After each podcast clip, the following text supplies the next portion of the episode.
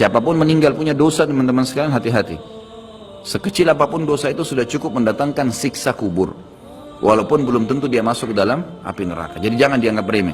Makanya kisah yang masyhur berhubungan dengan masalah ini adalah kisah Uthman bin Affan radhiyallahu anhu yang pernah menziarahi kuburan lalu terisak-isak menangis seperti anak kecil. Lalu beberapa teman-temannya di zaman khilafah beliau berkata, wahai Amir Mu'minin, kenapa anda menangis melihat kuburan? Padahal Nabi SAW sudah menjamin buat anda surga. Dan anda ini siapa? Terkenal anak mantunya Nabi SAW, ya, dapat jaminan surga. Nabi sebutkan lisannya langsung. Uthman di surga, dijamin. Bagaimana bisa anda menangis seperti ini? Jawaban Uthman radhiyallahu sangat bijak. Orang yang beriman dan berilmu punya punya jawaban yang tepat.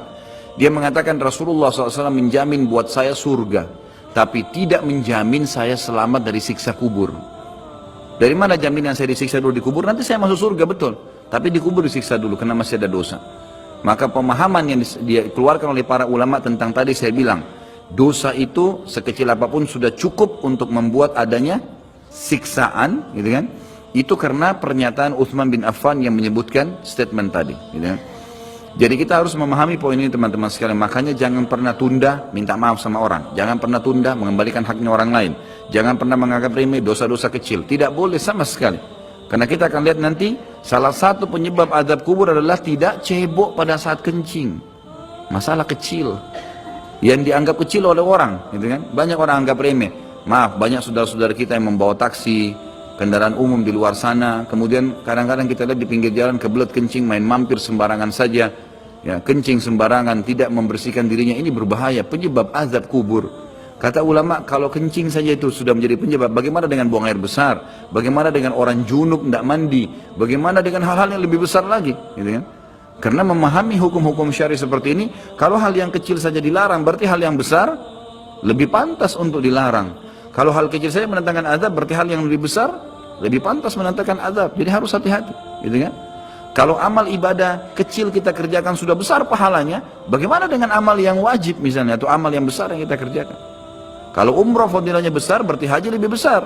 Kalau sholat sunnah besar, tahajud, maka sholat lima waktu lebih besar pahalanya. Dan seterusnya. Jadi poin-poin ini dalam mukaddimah kita harus difahamin baik-baik. Gitu kan?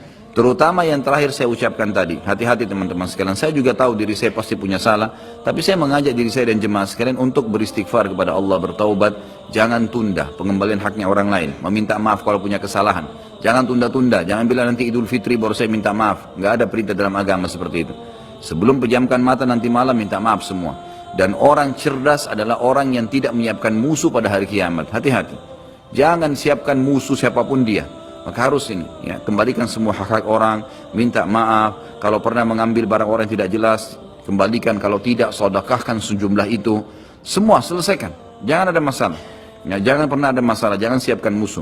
Imam Bukhari rahimahullah pernah berhenti berburu hanya karena meleset anak panahnya kena pagar tetangganya, gitu kan.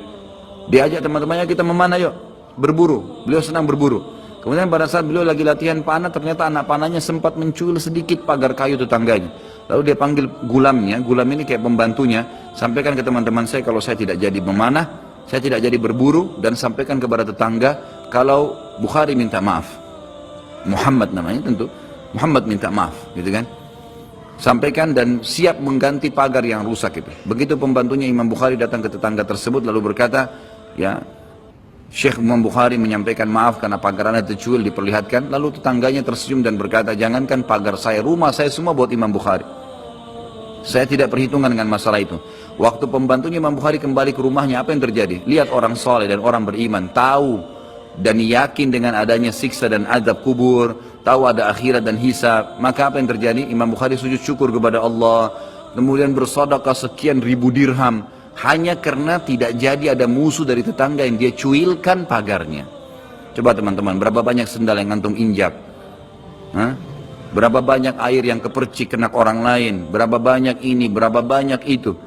Berapa banyak yang kita anggap remeh mengambil karena teman punya dan seterusnya. Ini hati-hati. Jangan siapkan musuh hari kiamat. Azab kubur datang kepada siapa pun yang masih punya dosa. Dan dosa ada hubungannya dengan Allah subhanahu wa ta'ala, ada hubungannya dengan makhluk. Kalau berhubungan dengan Allah Azza wa Jal, kita bertaubat kepada Allah. Allah maha pemurah. Dia akan terima taubat hamba-hambanya asal ikhlas. Tapi dengan makhluk nggak bisa. Mencuri, menggunjing, memfitnah, ya, mengambil, memakan. ya, merusak namanya orang lain. Ini nggak boleh. Ini harus selain tobat kepada Allah, meminta maaf kepada orangnya. Nah, ini tidak boleh ditunda ini. Nggak ada gengsi di sini.